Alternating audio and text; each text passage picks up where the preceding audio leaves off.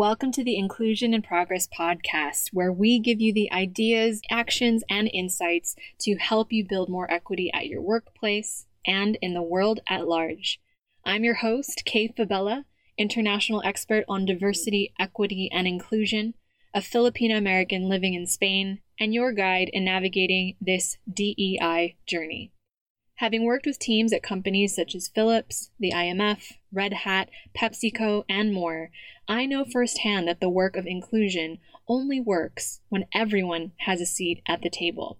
Regardless of your personal entry point into this conversation, your race, ethnicity, gender, ability, age, sexual orientation, country of origin, or educational background, we all have a role to play in creating inclusion for all. And it starts with us having conversations we need to create the change we wish to see. So let's dive into today's episode.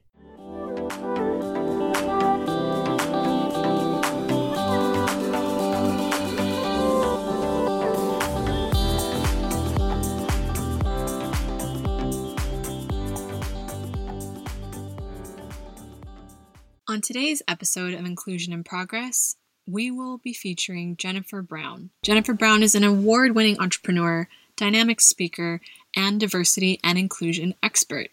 She is the founder and CEO of Jennifer Brown Consulting, JBC, a strategic leadership and diversity consulting firm that coaches business leaders worldwide on critical issues of talent and workplace strategy. Brown is a passionate advocate for social equality who helps businesses foster healthier, more productive workplace cultures. Her book, Inclusion, Diversity, The New Workplace, and the Will to Change, in 2016, inspires leadership to embrace the opportunity that diversity represents and empowers advocates to drive change that resonates in today's world. Jennifer's second book, How to Be an Inclusive Leader, was released on August 20, 2019, and can be purchased at the link in the show notes. Welcome back to Inclusion in Progress. Today, I'm excited to have with me the amazing Jennifer Brown, founder of Jennifer Brown Consulting, award winning entrepreneur, speaker, and best selling author of How to Be an Inclusive Leader Your Role in Creating Cultures of Belonging Where Everyone Can Thrive. Jennifer was one of the first people I found in the diversity inclusion space when I was sort of coming out of the closet, so to speak. And I'm a fan and an avid listener of her podcast, The Will to Change, which you guys should definitely check out. So I'm really excited to have her on the show today to talk about how to build gender inclusive organizations in 2020 and beyond. Mm-hmm. Without further ado, welcome, Jennifer. I'm so happy to have you here. Thank you, Kay. I love it that you're just eagerly gobbling up all of this. It's just really wonderful to have leaders like you spreading the word and teaching and being so thoughtful about the work. So thank you. Yeah, likewise. I mean, like I was saying to you before we hit record, there was so much vocabulary that I didn't even know that I needed, especially as somebody who inhabits so many different spaces. So it, it's a real treat to have you on the show today. Mm, thank you so much. yeah, so I've already shared a bit about your incredible resume in our intro, but could you please walk us through your story? You and I both obviously love stories. Tell oh, us yes. a bit of, about yourself, your work, and especially how this latest book came to be. Oh, yeah, absolutely. The abridged version, the sprint through the last 25 years. Came out of college and I became a nonprofit activist. My roots in my 20s, very early, were like, I need to make a difference. I worked for some really amazing organizations that were community justice focused. And that, but I was also a singer. So I was singing every moment I could on the side, um, from classical to having my own band to teaching voice in studio to singing jingles, which used to be a thing.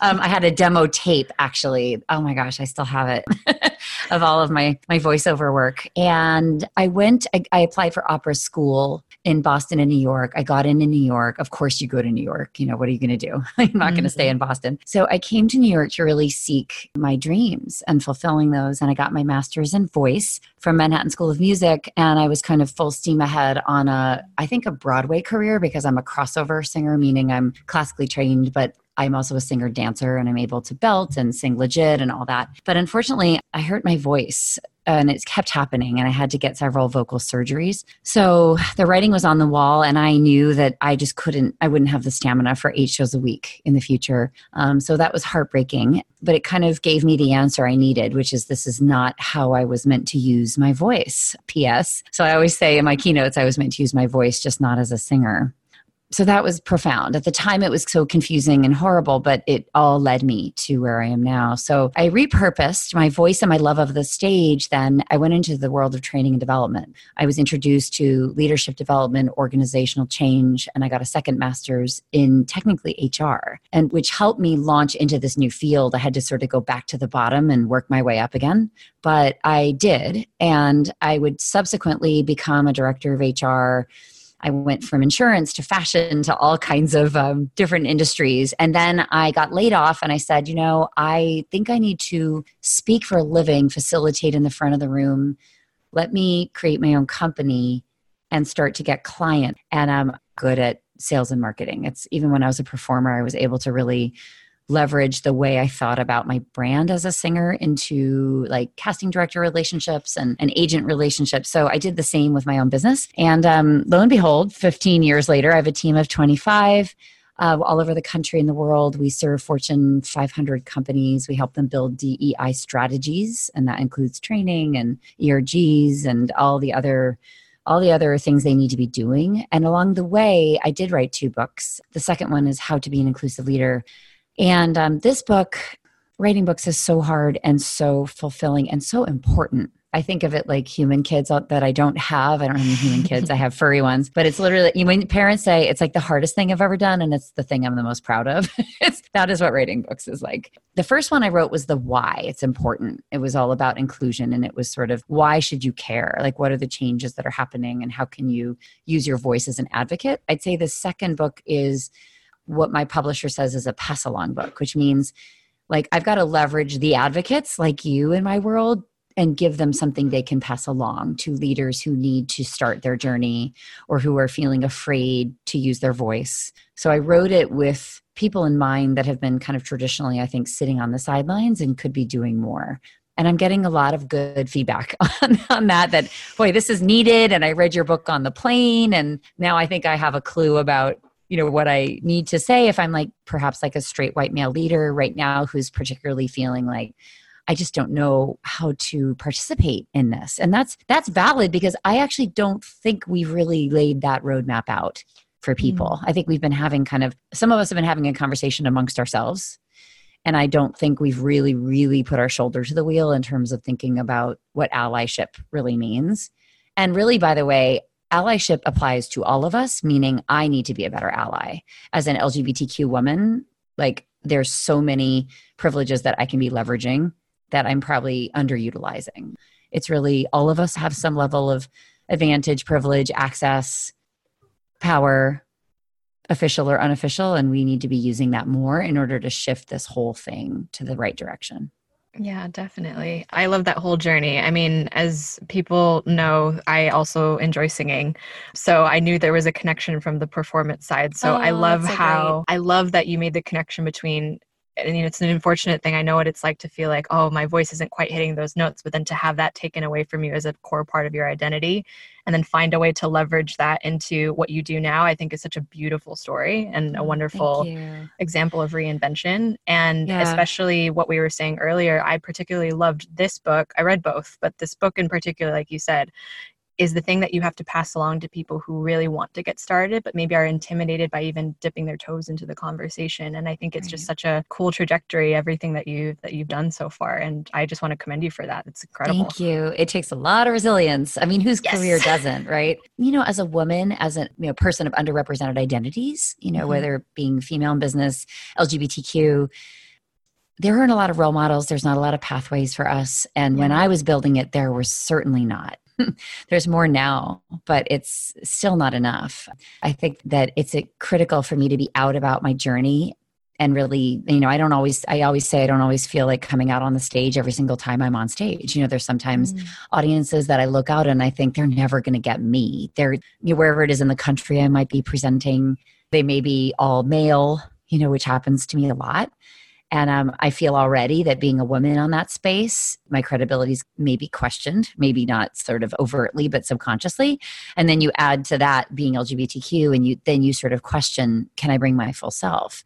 Even though I'm the paid keynoter, even though I'm the paid expert and I'm the author, I think these doubts still go through our minds around how are we going to belong here. And I always call it like it feels like threading the needle every minute you know, I have to be like perfectly this and perfectly that and strike the right balance and not be too sort of passionate which could be interpreted as angry and you know and i know that other women of different identities have sort of double the or triple the difficulties that i'm talking about. So i'm really so sensitive to the i think the risks of showing up and bringing our full selves to work still because there's so much bias that can hit us and really hurt us professionally Absolutely. Yeah, I think it's it's so interesting. I've walked into rooms before where I'm I'm 5'2 and Filipina, as we've discussed. I share that with your partner, an identity. Yes, indeed. and so walking into a room where you have a young looking face and probably there's just so much that you read in the room that you realize a lot of it is because we just we can't be what we can't see and if we haven't seen examples of us in rooms and we're still very much onlys. Even for us it's it can be a struggle but it's even more critical for us to be leading this change. So i love that you're doing that. Thank you. Yeah I know you've got so much knowledge that you can share with us. As I was sharing with you before, I'd like to focus today's conversation on just one thing, even though this would be easily like a three hour episode just because of all the knowledge you have. we'll do um, our best. it is a massive field, it's true. It really is. And I appreciate especially that you tackle things from an intersectional way, which I really do want to highlight for people. But in our post me Too and Time's Up world going into this new decade as we are having this interview um, I really want to focus on this bigger conversation around companies, even that I'm working with here, around representation and advancement of women in particular into more senior roles. In your experience, what is it about many workplace cultures that you find slows our ability as women to make it into these management and C suite roles in the first place? I would say the single biggest thing I'd like to see, honestly, is that more people lend a hand. You know, I think that where I've come to is that those of us who are the most marginalized, the most and the most underrepresented, and the sort of the most outsiders um, versus being insiders, we are doing the lion's share of the lifting.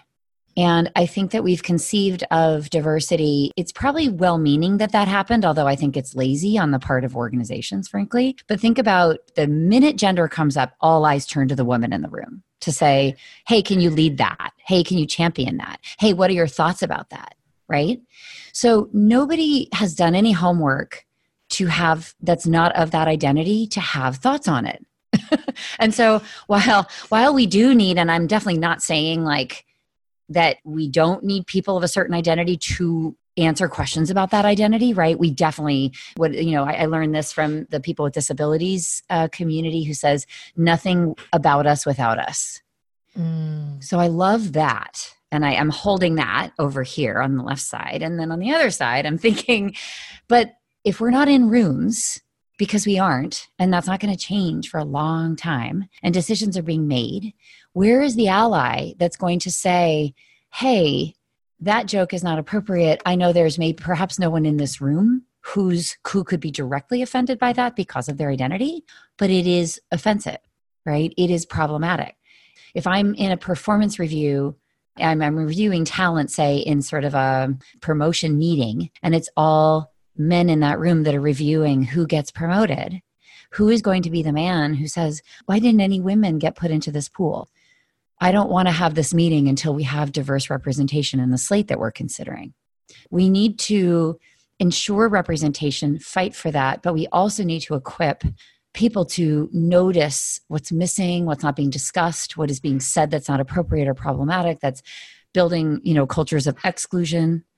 And we need people to step forward and say and educate each other, sort of ally to ally, about the derailers and the sort of the unconscious bias that's happening every single day in all of our decisions all the time. And without that our change is going to be delayed and it's been too slow. And i think that's the reason. You know we've just been a few of us are doing a lot of the work. We're not in the rooms that matter. We don't have the power to sign something and make a change for thousands of people immediately. And so i think the whole focus really needs to shift to a holistic approach and who is missing from these conversations, who's not wielding their power, who doesn't even think about their power as something that needs to be wielded on behalf of this topic. And how can we then equip them, support them, coach them, inform them, hold the space for them? And by the way, they're going to make mistakes. they're going to, you know, not say the right thing. And we cannot be in this call out culture and mindset where the second a person steps forward in the way that I'm talking about, you know, they get their head handed to them. Like Mm-hmm. we've got to also kind of soften that and we have to truly welcome voices that are learning. And that is like, that is a very radical vision, what I just outlined. I mean, I will get like vilified from the left as much as the right for that because I think there's a lot of people who are like, I don't care what all those people think and say. They are not needed for change. They don't understand because they're not of this experience. And sort of how dare they get involved? And actually, by the way, as a Mhm. practitioner, I've been told to sit down. Wow. I've been told I don't have the right to do this work. So that like it not only hurts, of course, because like I've been waiting and investing and building my team and waiting for this conversation for so many years to happen so I could make a dollar. Nobody knows my financial situation and how much I've sacrificed to be here and and how expensive it's been to be ready for so long and feel that I haven't really I've had to push and push and push and I was never pulled into the conversation. It's just been really hard. So anyway, I just think we've got to really watch ourselves when we say like who's allowed to do the work Mm. and who's not. I don't think we're in a position to to say no to anyone Yeah. because the work is critical and it's going too slow.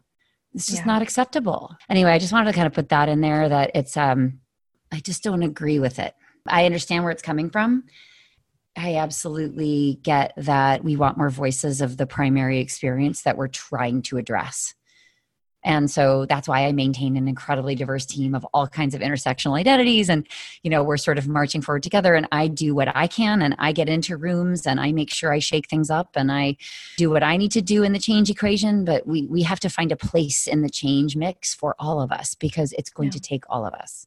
Yeah, I love that. I'm trying not to clap or throw up a prayer hands emoji in the middle of this conversation um, because there's so much in that that just I resonate with so much. I actually, one of my early episodes of this podcast was on this idea of wokeness and sort of how, in the process of getting imperfectly learning about how to be an inclusive leader, especially from the people that we need, like you said, in the rooms advocating for us, even when we're not there, if we're coming from marginalized or underrepresented groups, Mm. that we can't hold them to this sort of pure, impossible standard of all of a sudden they have to know all the right terminology and all of the right words and all of the things that they should or shouldn't say, because then what we end up doing is alienating them from the very conversations we need to them to engage with imperfectly Mm. and thank you it's something that i think that we we can't afford like you said it's it's moving so slow that we can't afford to not have all hands on deck right. And And- the hands on deck that have power. Like, yes I mean, why are we why are we working so hard to achieve something that may take us 10 years because we are low level or we're not connected to the right people. And then literally if you convince a leader with power to do something, they could change something in a second, like in 5 minutes that we might spend years trying to influence. Like it's just when I think about working smarter not harder, right? This is what this means. This is I always tell advocates in my circle like it doesn't always have to be you that's speaking up on your behalf. If you play the game right, you line up your allies. You have people that I think of it as a relay race, like people you can hand the baton to and you can take a break and somebody mm-hmm. else will run with it for a while. Like, wouldn't that be amazing? Because I know I'm exhausted being always the one that speaks up. And and it hurts us actually to always be the ones that speak up. There's research that shows that. It hurts us, it stigmatizes us further because if we're always speaking up and saying hey you can't say that. Hey you can't say that. I feel you know i don't feel respected whatever whatever we become the squeaky wheel. We become we all of a sudden become our identity. And unfortunately that identity is often a stigmatized identity. So Right. we're the squeaky wheel great but we pay a price. And i don't want us to be paying a price when what we need to be is viewed as like more than just our identity. We want to be viewed as powerful leaders. We want to, you know what I mean? Like whatever Yeah. your profession is, you want to be known for that. And yes, not erasing our identity, but certainly not having to always represent that conversation in every single room. Or, or and if we don't, we feel bad that we're not standing up. We feel sort of guilty that we're not doing the work, right? Yeah. So we just need to we need to work through others. I always say like tee up your allies, equip people to have conversations so that they can get that skill set, so they can learn imperfectly, so they can step out of their comfort zone. Um, I say to leaders, if you're not uncomfortable on a regular basis, you're probably not leading. So when it comes to diversity and inclusion, I'm like, be uncomfortable. Like you're uncomfortable in a million ways in business on a day to day basis. Why do you avoid being dis- uncomfortable when it comes to this topic? Right. And there's a million excuses like, oh, I might say the wrong thing, or I might get in trouble with HR, or I might, it's so personal, or I don't know anything about diversity. I don't have a diversity story. We've got to get through that and then move on to the how. But I think we've got to address that resistance and, but do it lovingly and, and sort of let people take the time they need to move through that to what's to the other side. Yeah, I love that. I am so glad this is being recorded. I'm notes on this afterwards. this, this might be my next big talk. Actually, I think I think this is the this is where I I need the big sort of TED TED style that I I need to get out there because there's people like not talking about this, but there's efforts being made all over the place that aren't being talked about. Like there's there's men as allies groups that are springing up in corporate and this is the exact conversation that they're having. But it's kind of under wraps and it's kind of sporadic and yeah. it's, you know what I mean? And so I'm like, this is happening, but it's at the very beginning. Yes, definitely. Oh, I'm excited. Whenever that TED Talk I know, out, I know, I am I'm ready. I'm ready to watch Here we it go. and share it around. so good. Oh, I love that. Well, as you said, I think this is a perfect tie-in because I think that we know that there's a consciousness shift happening. We know that there's a desire to want to help. And yes, these, like you said, it's kind of nascent conversations uh, in terms of the allies and advocates that we're looking towards. But in terms of, especially in the context of our conversation around female leaders and professionals in the groups that you've worked with, what would you say are things that we can do ourselves? Because maybe we won't there's no easy button for change uh, as much as we'd like for there to be. It would be wonderful. Oh, i wish. Oh gosh. Um, nope. but and, and you know we we i like to think of it as glass half full like navigating through change creates such resilience in us and creativity yeah. and and resourcefulness right? Look it's such an important competency for every leader. I mean so i think being a diverse leader equips us actually navigating that makes us better leaders overall and i think makes us the leaders of the future. Because change navigating your place in change is like the thing. It's i mean i can't i can't even imagine a more important thing as the economy changes and as our we're going to have so many different careers in our lifetimes and the younger generation and is is going to have to grapple with nothing but change on a yeah. regular basis. So anyway, I interrupted you. Sorry. Yeah, no, for sure. That's great. Um, and it's a, it's a really important point to highlight. I think that now, what can we do now as female leaders and professionals to with our own individual actions and our own individual choices start leading the change and even though yes it's unfortunate that the lion's share is still on us what is manageable for us to do yeah, what is manageable is a good way to look at it because I I want simultaneously for us to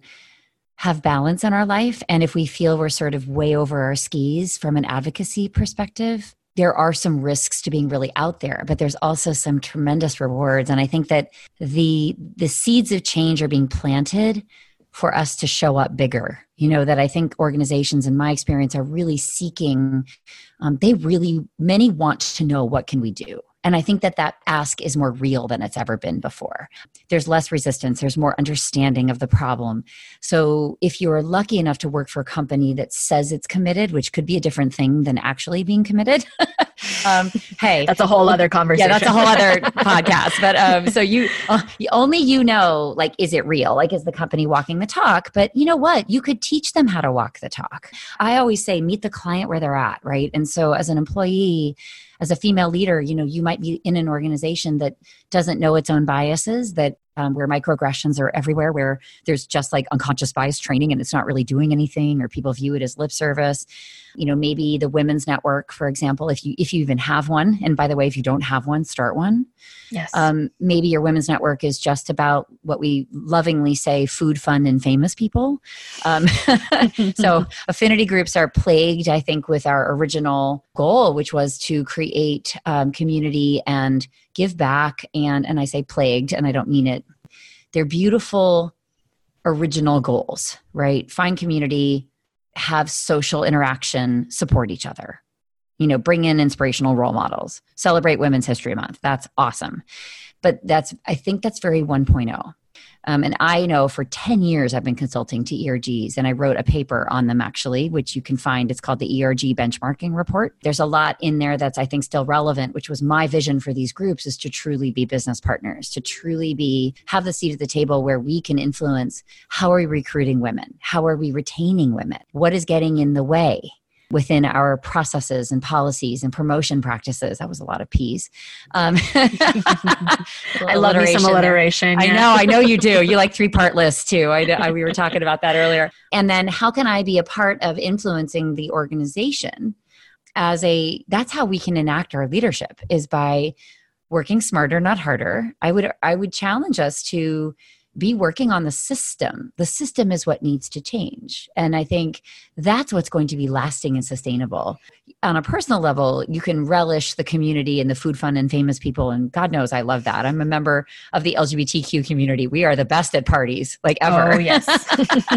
like the best. And the, you know, and just the, just the energy that comes from that. But we yeah. also know we've got to be, for LGBT, we've got to be influencing why are half of us still closeted at work? Which, by the way, is the statistic. So 50% of us are closeted, even in progressive companies.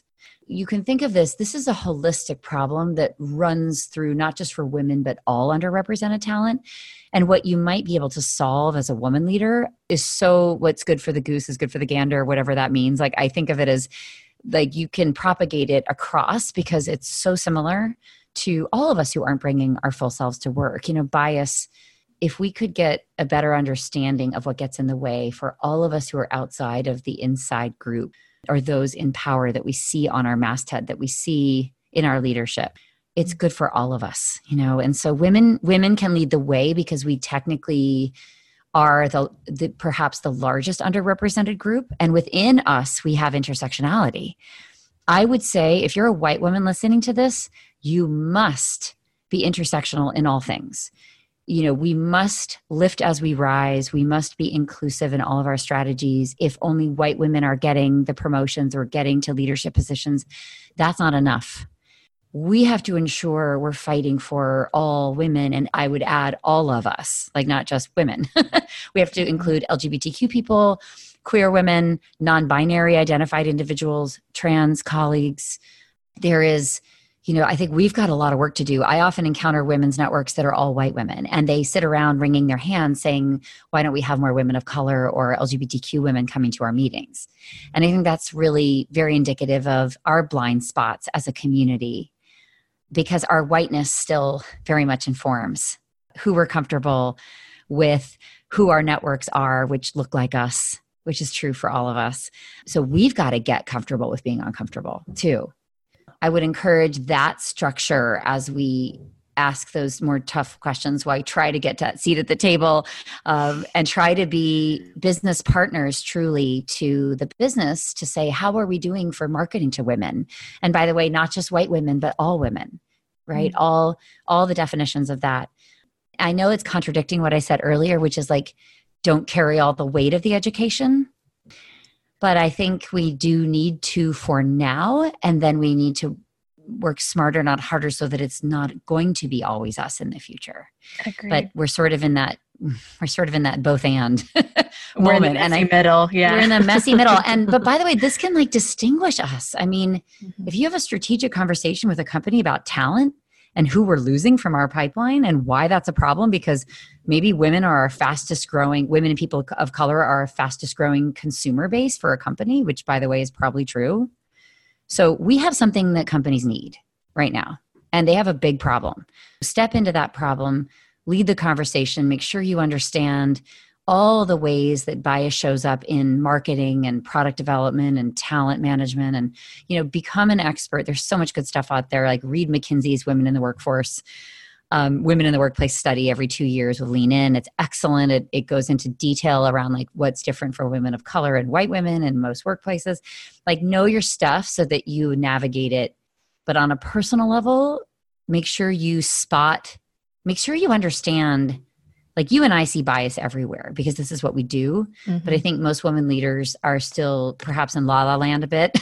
it's it's nice to it's nice to sort of tune it out, or maybe we see it and we don't we just don't know what to do about it. I don't know, but if you let things pass, you're not going to be challenging systems to grow and leaders to grow. So you've got to kind of think about like, do you want to take this on, and how do you want to take it on? Because we must but do you want to get that done through allies in your network? Do you want to pick your spots so that you don't burn yourself out? Do you want to make sure you're working for a company that's ready for change and you're not just going to frustrate yourself and hurt your professional prospects? Mm-hmm. I think we have to kind of put all of that together and think about our role in change and what we're ready for. Oh, I love that. Yeah, there's, I, I really appreciate you touching on the intersectional piece. I think it's truly critical. I think it's also hugely important for us to continually be educating ourselves because as you said if it's just white cisgender women it's not all women. And that's a very stilted version of equality mm-hmm. if that's what we're fighting for. And like you said there's also we have the benefit of being the most visible aspect of diversity and inclusion at the moment and at the same time inhabiting and incorporating so many different different conversations within it it's it's something that I'm I'm kind of just sitting here nodding along, and I'll probably have to digest and marinate this later. But it's something I hadn't considered before. But it's true. Mm. It, I'm likening it to kind of Beyonce's journey. Always have to throw in a Beyonce reference of where course. I can. Fabulous. oh, uh, but I love how it started almost like once she branched off and started her solo career. And I remember I might be crucified for this. I was not a Beyonce fan for a very long mm. time.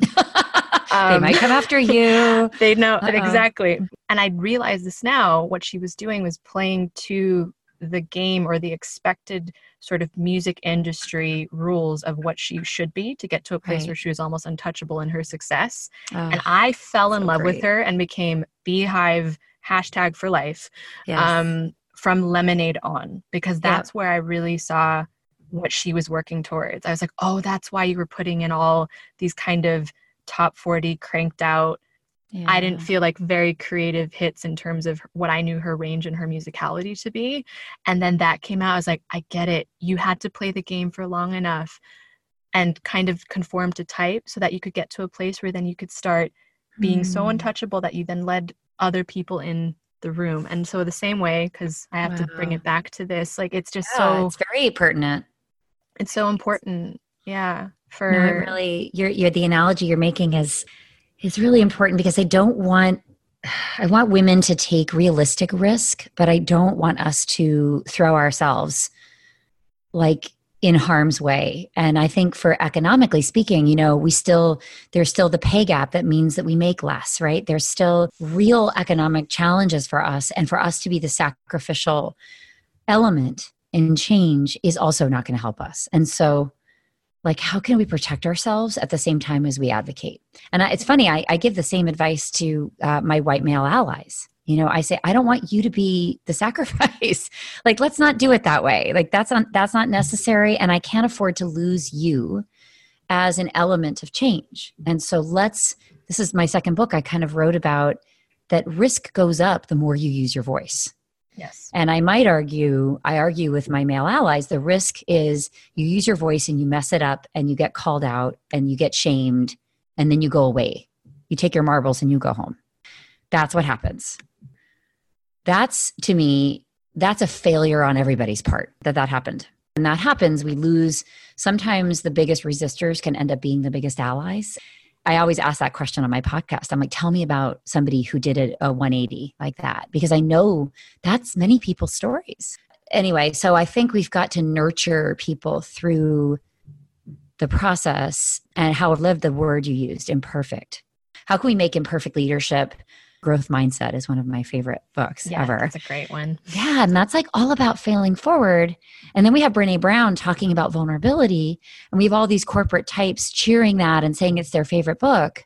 But how are we vulnerable truly in the business world? Like, how are we allowed to say, I don't know the answer and I'm working to learn what it is? Or I might say this not in the right way and I want feedback. I am learning and I, you know, or I don't know the answer to that. Here's people who do and sort of referencing others, you know, and, and just kind of being in that space is very vulnerable, particularly I don't think men are allowed to be vulnerable. Like that's a whole mm. different another podcast. Like I've brought a lot of men and masculinity experts on my podcast that talk about the man box. Yeah. And how strict it is and how the how strict the penalties are for stepping outside of it. And when men hold other men accountable for bad behavior, they break the man box. And I think we've got to acknowledge that this is risky work for a lot of us in different ways.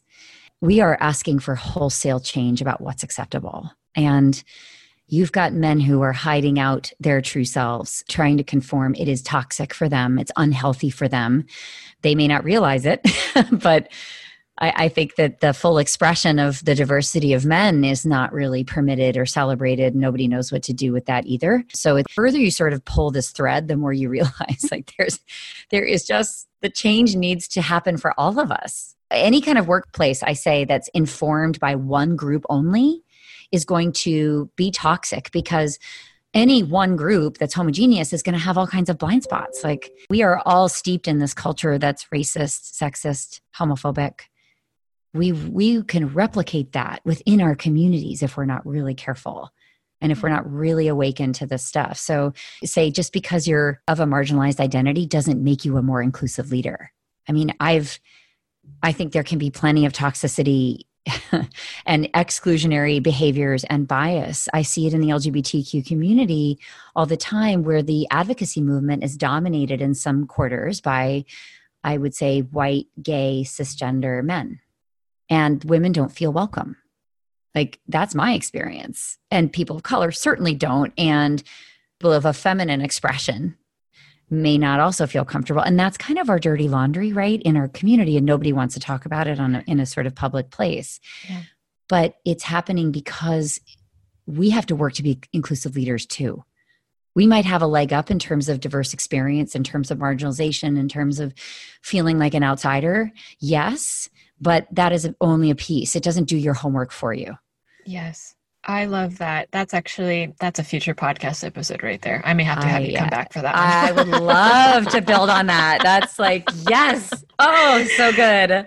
Um, so good so podcast good. title: How to Stop Eating Our Own in Our Communities. Well, yeah. yes. Oh my gosh, isn't that true? We can't yeah. afford it. We just can't. We really mm. can't. So actually, I think one last question and touching on something that I think is so so critical, and I think my husband's going to be particularly happy that we're talking about this as a white cisgender male he always Aww. says, Oh, you know, it's so great that you're talking about inclusion and I love the work that you're doing. It almost feels though as if I don't really know what to do or how to add my voice to the conversation or how can i learn. And and that brings me to something that you said about this male box we we need these allies who are still very much dominated of a certain gender and of a certain non-minority build, we'll say. yes, I know. It's always hard to describe, isn't it? um, kind of awkward. I know. I know. I know. But you but you speak often about this importance of, of men becoming allies. And I know that was one of the main things of this pass along book, as you said, for women's advancement in the workplace and for any for all talent uh, from diverse groups advancement in the workplace.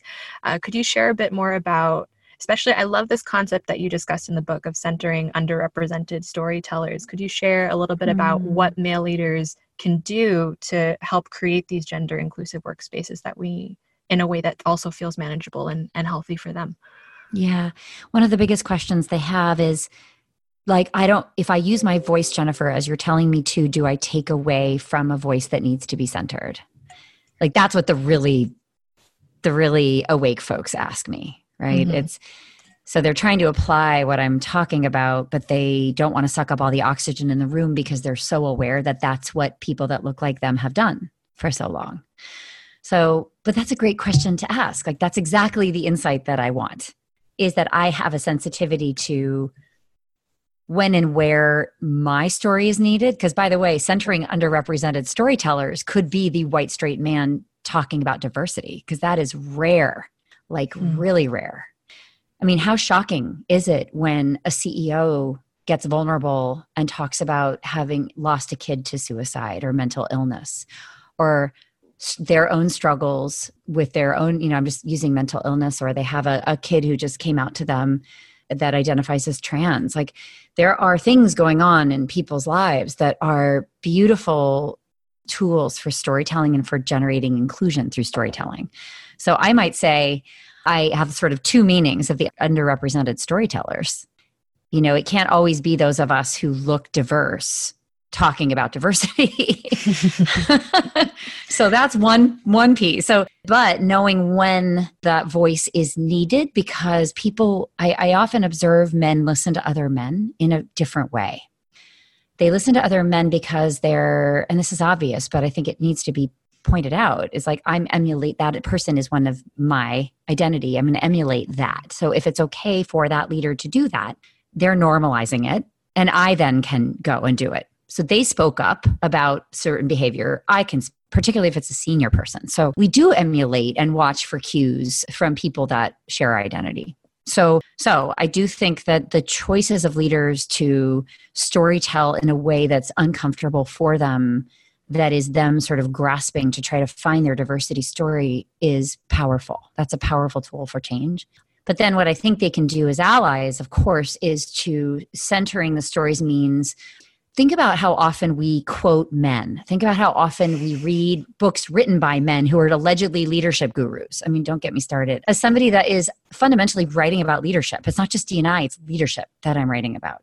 I'm still like maybe not on that bestseller table. You know, and I still go to that bestseller table and I still see the same two female names and they're white women.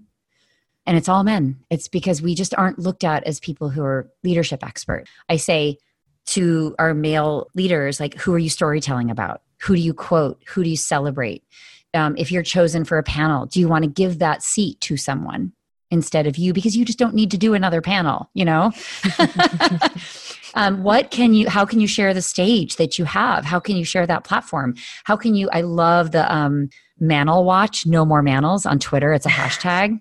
That's a good one. Please, like, follow them, support them. I, I met the woman who started it, and I just, I'm like, I just love that you started doing this. It's so oh my gosh, I lo- it's like under the radar, but literally they pop up whenever there's an all male panel of like the Neurologist Society of, you know, Spain or something. And it's just literally like, were there no female doctors that could be on this panel? Like, really? So, men right now, you'll see on Twitter, they're like recusing themselves from conferences and panels where they're, where this is not being done well. That's an example of um, using your power, using your platform, using your privilege centering the experience. Um, if you're if you are in a room where nobody is there that can reflect their experience and what it feels like to be in an identity know enough about other people's identities that you you have kind of a passing knowledge of the facts.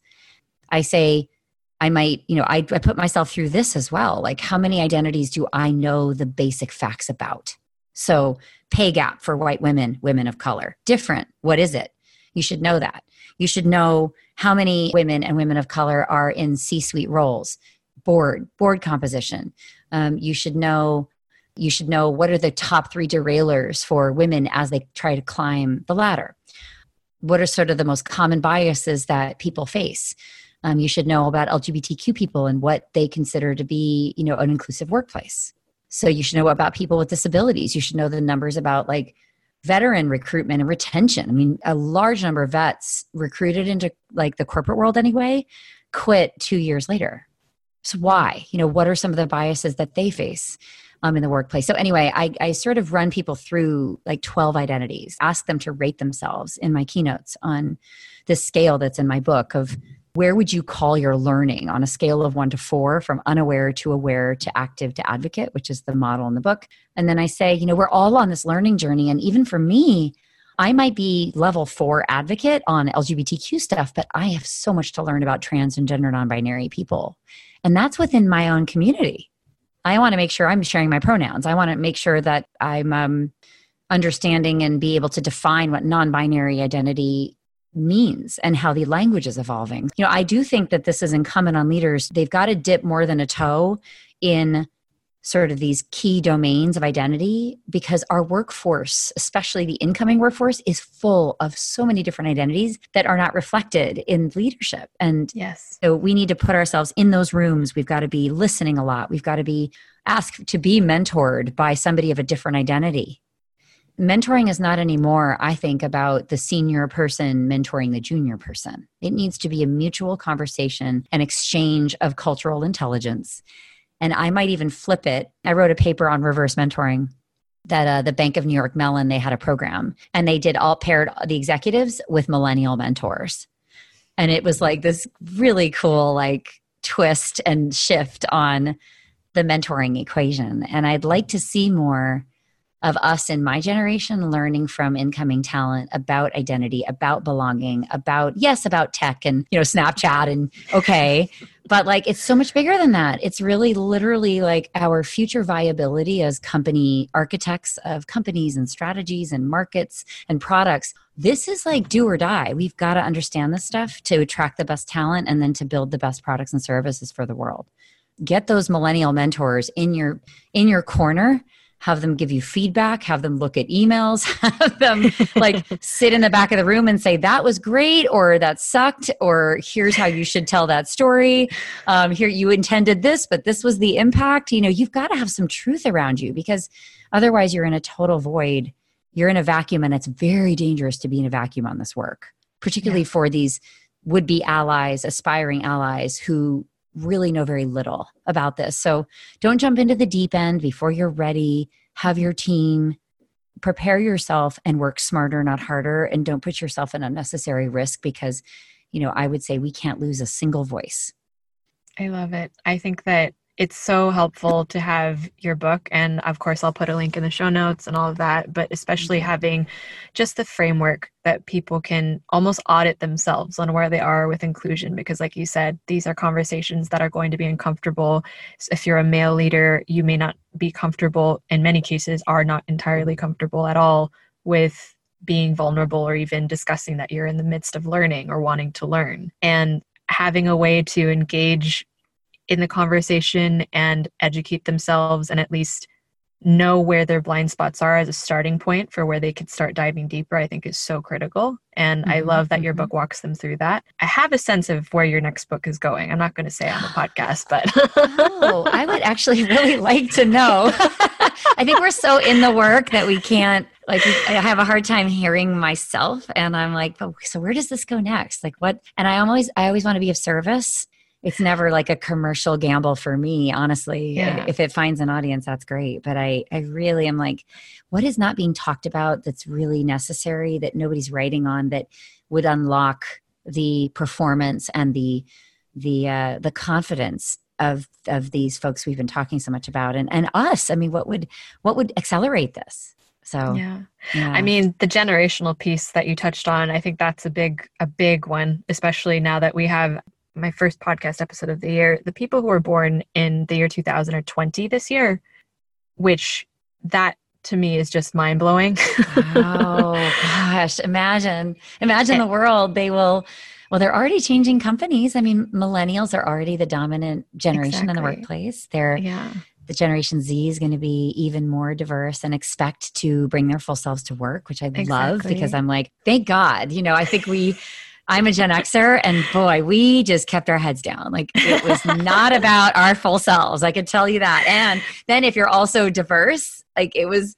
I don't know. I just don't think we we didn't have that generational voice, and they have yeah. so much might and confidence. I think, and I hope commitment to who they are, and yeah. I hope that that doesn't flag as they get into this sort of very staid um, what do we say pale stale and male uh, work, workplace and they i hope that they don't get intimidated you know from using their voice from being agents yeah. of change from bringing their full self to work we need that truth telling so that we can change and learn and i, I just hope that um, it doesn't sort of become overwhelming and every well i, I do hope it creates a bunch of um, entrepreneurs because people mm-hmm. just can't stand it anymore that's beautiful too but I say to my clients, I'm like, you can't afford to be losing people who just are miserable here. You know i mean Yeah. it's great for the entrepreneurial world that so many owned and women and women of color particularly are the fastest growing segment for for entrepreneurs and new businesses why do you think that is because corporate world is so miserable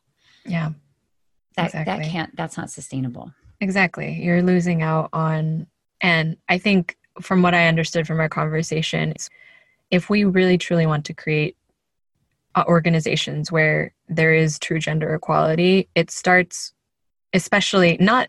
It's not even the fact that we we can't afford not to have all the voices because ev- we need all hands on deck, but it's also the fact that companies need to be ready for a generation that it's about to start applying for jobs and entering as new talent that lives diversity and inclusion. It's not a buzzword for them. They've Yeah. grown up as the most the stuff I see on TikTok as a pure social anthropological sort of experiment to see right what it is that they're doing, what it is that they're talking about.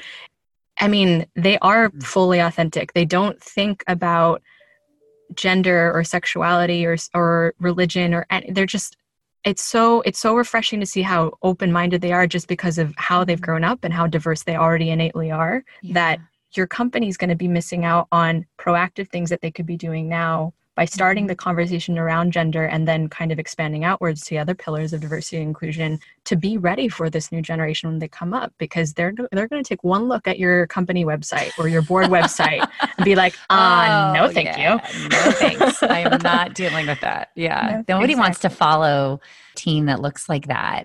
I mean, the assumption is that team is kind of clueless, right? Or like, Yeah. or who let that happen? That it that the leadership of the company looks like that. I mean, I, I look at that and say to myself, wow, like there has not been accountability. And I mean, I could go on and on about yeah you know how change happens and it's that group is going to be the toughest to shift because if you're losing people out of the pipeline on their way to the c suite Mhm. there's fewer and fewer people that can hang in there to get there to diversify it like literally the pool is small not because of merit but because of the gauntlet that people have to walk every day you know? It's i mean i think it would be hard for any of us and there's just not an empathy for that. I just think there's like this blind spot to being like well everybody has equal opportunity here and you know we have tons of women and you know i have daughters and i know that i'm a good leader when it comes to gender you know? I just think there's so such a like wanting to believe that we're a good company you know and that we're we might look this way but we're well intended i mean there's tons of excuses going on. Exactly. yeah we, we need some honesty yeah, we definitely need honesty and at least a framework, which I know that this book is going to be super helpful for people. And I know this Thank you. conversation, especially for people listening. So I know I could talk to you for hours, but I, I do want to be respectful of It's your time. great it's been great i love it thank you so much for having me of course. So, where can people find you to continue the conversation and, of course, learn from you, aside from your book, which I'll be making sure to plug? Thank you so much. Well, you mentioned my podcast. So it's called The Will to Change. And a lot of what we talked about today is all, all that I talk about. And I bring on some really amazing guests who are change, out there changing the world on a variety of topics. And then on Twitter, I'm at, at Jennifer Brown and Instagram's at Jennifer Brown Speaks. And if you work for a company that needs help with this stuff, um, go to our website at jenniferbrownconsulting.com. I have an incredible team who is deployed every day doing this kind of mano a mano work with our lovely clients um, who are at a variety of stages in this journey. Uh, and we love them all because we want everybody to, to come together. And then LinkedIn and Facebook and all of those other things, I'm at Jennifer Brown Consulting. And we're also running a DEI online program starting in March of this year. And we have a special code, a discount code as well. So if you could share that in the show notes, it's a great program. It's an online program, go at your own pace, taught by some of the consultants on my team. And it, it sort of helps ground you in some of the, the practices and theories that we've talked about today, whether you're a practitioner who has this as your job or somebody who wants to get deeper in your in your own sort of personal passion for the topic. So let's make sure to include that as well. And if you want to find out more about that, go to uh, Jennifer Brown Consulting, and you can see that we have a courses tab. You can go there and find the find more, more about the program. Fantastic. Well, I will make sure to include all of that in the show notes. Uh, thank you so much again for being on Inclusion in Progress. And please be sure when you're listening, if you liked the conversation, if you resonated with it, we covered so much today. So tag Jennifer or myself on social media and let us know your favorite insights from what we discussed. There are plenty of nuggets in here. And of course, don't forget to subscribe, rate, and review the podcast on iTunes. Every bit really helps to get the message, tools, and resources shared here on Inclusion in Progress to the people who'd most benefit from a more inclusive world. Thanks again for tuning in, and I will see you in next week's episode.